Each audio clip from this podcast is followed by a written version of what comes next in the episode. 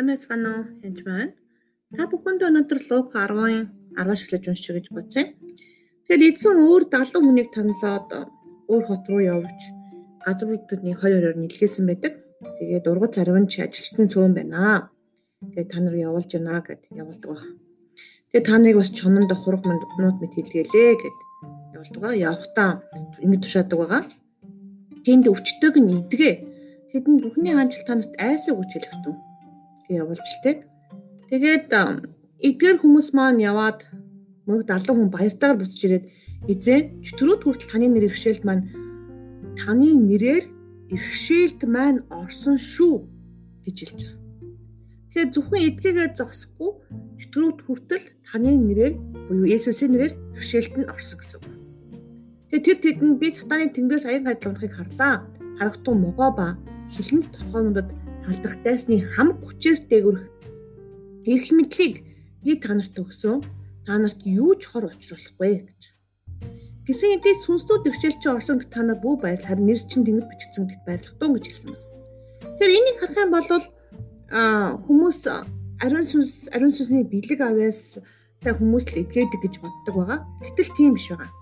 Энэ 70 хүнийг Иесус өөрөө явуулсан байдаг бөгөөд Иесус дахин амьлаагүй дээрэс нь загалмаа цовдлогдоогүй. Тэгээд дээрэс нь ариун сүс бууж ирээгүй, Пентекост өдөр болоогүй. Тийм байсан үе. Тэгээд энэ хүмүүс ямар хүч чадлаа тэр хүмүүсийг идгээсэн бэ? Хүмүүсийг идгээ гэж явуулсан баг. Тэр эрх мэдлийг Есүс энэ хүмүүст өгсөн байгааз. Тэгээд Есүсийн нэрээр гэж байгаа.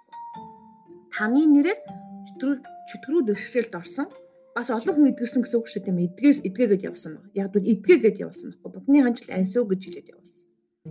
Тэгэхээр энэ төвөгдсөн эрх мэдэл харагтун могоо ба хилэн торхоонуудад халдах дайсны хамаг хүчээс дээрх мэдлийг би танарт өгсөн гэж. Есүс биднийг ичгэж болгох үед энэ эрх мэдлийг биднэрт Есүс өөрөө өгсөн баг. Тэгэхээр бүр одоо бол Есүс цавдлагдоод дахин амьлаад тэгээ дээрэс нь ариун сүнсээр дүүрээд бид нар бүр шаал өөр төвшний буюу Иесусыг дахин амьлуулсан хүч бидний дотор байж байгаа. Тийм болохоор энэ хүмүүсээс илүү баг эрх мэдэлээс гадна дахиад ариун сүнсний хүч, ариун сүнсний тосолгоо тэгээд бэлэг авс бидэрт байгаа. Тэгэхээр энийг сайн анзаарах юм бол зөвхөн Иесусийн өгсөн эрх мэдэл, итгэж гэдэг эрх мэдлэр Иесусийн нэрээр бид нар чөтгөрийг хөөж өвчнийг идэх боломжтой гэсэн. Тэгэхээр та одоо зөвхөн хин нэгэнд нь л байдаг юм одоо тийм бэлэг авьяастай хүн хийдэг ч гэдэм үү тийм гэж юусоо бодож болохгүй. Аа тэгээд мэдээж яг уу зарим хүн зарим хүнээс илүү ч юм шиг харагдаж болох юм л да. Аа гэтээ яг үнэндээ авь адилхан хүч өгсөн. Тэр хүч нь 100%. Тэр хүчээ нэг хүн ашиглаж байгаа юу 100% ашиглаж байгаа юу 50% гэдгээс хамаарат ямар өөрчлөлт байгаа.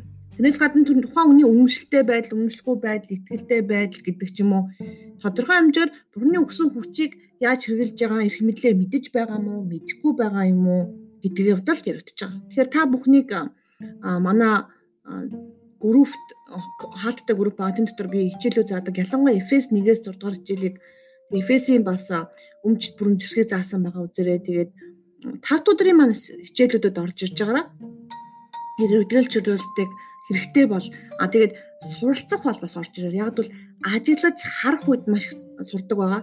Иесус дагалдагч бэлтгэхдээ өөрөө үзүүлээд буюу демонстраж харуулаад тэгээд нүүдүүр нь харж их сурсан байна. Тэгэхээр энэ хүмүүсийг томилхоос өмнө эдгээр хүмүүс Иесусийн дагалдагч байсан гэдгийг юусоо мартаж болох. Тэр 12-оогоо илгээгээд явуулаад дараа нь дахиад далыг явуулж байгаа. Тэгэхээр чин эдгээр хүмүүс бол заавал сонгогдсон апостолууд бол байгаагүй явж байгаа илгээгдэж байгаа далдан хүмүүс маань.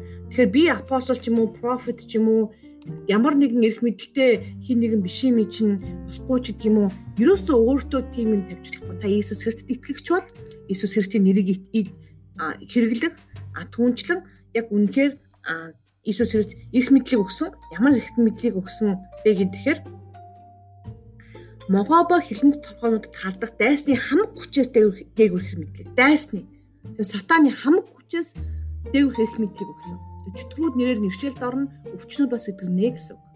Тэгээд тийм учраас та өнөхөр Иесус танд өгсөн эрх мэдлийн тухай уншаараа мэдээрээ хамгийн гол нь эрх мэдлийг мэддэг байгаараа. Тэр тохиолдолд өчтгөр бүр таныг алсын зайнаас хараад зүхтаа а эрх мэдлээ мэдэхгүй бол юу ч мэдэхгүй. Яг үнэндээ нөгөө цагдаагийн хувцас өмссөн хүн зүгээр энгийн иргэн хоёр гараа өргөж зогсож байгаа та шүгэл дуурайад бишнээ борохоо тавьсан чи энгийн хувцас өмссөн бол тамаг чамаг тоохгүй гар галзуу маань юу хийж байгаа юм бол гэж бодно. Эсвэл гар өргөх гэж мөг такси авах гэж байгаа юм болоо гэж бодно. Харин цагдаагийн хувцастай шүгэл дуургаа тас гэд э, зогсоох юм бол бүгд айгаа зогсон цагдаагаас аа үнэхээрайн гэсэн. Тэгэхээр та итгэгч буюу эрх мэдлээ мэддэг итгэгч байх үед үнэхээр энэ бүх зүйл болох болно. Тэгэд эзнээс эмээгээрээ тэгээ түүнийг бас хүндлээрээ хайрлаараа Иесусыг үнэхээр чухал шүү. Баярлалаа.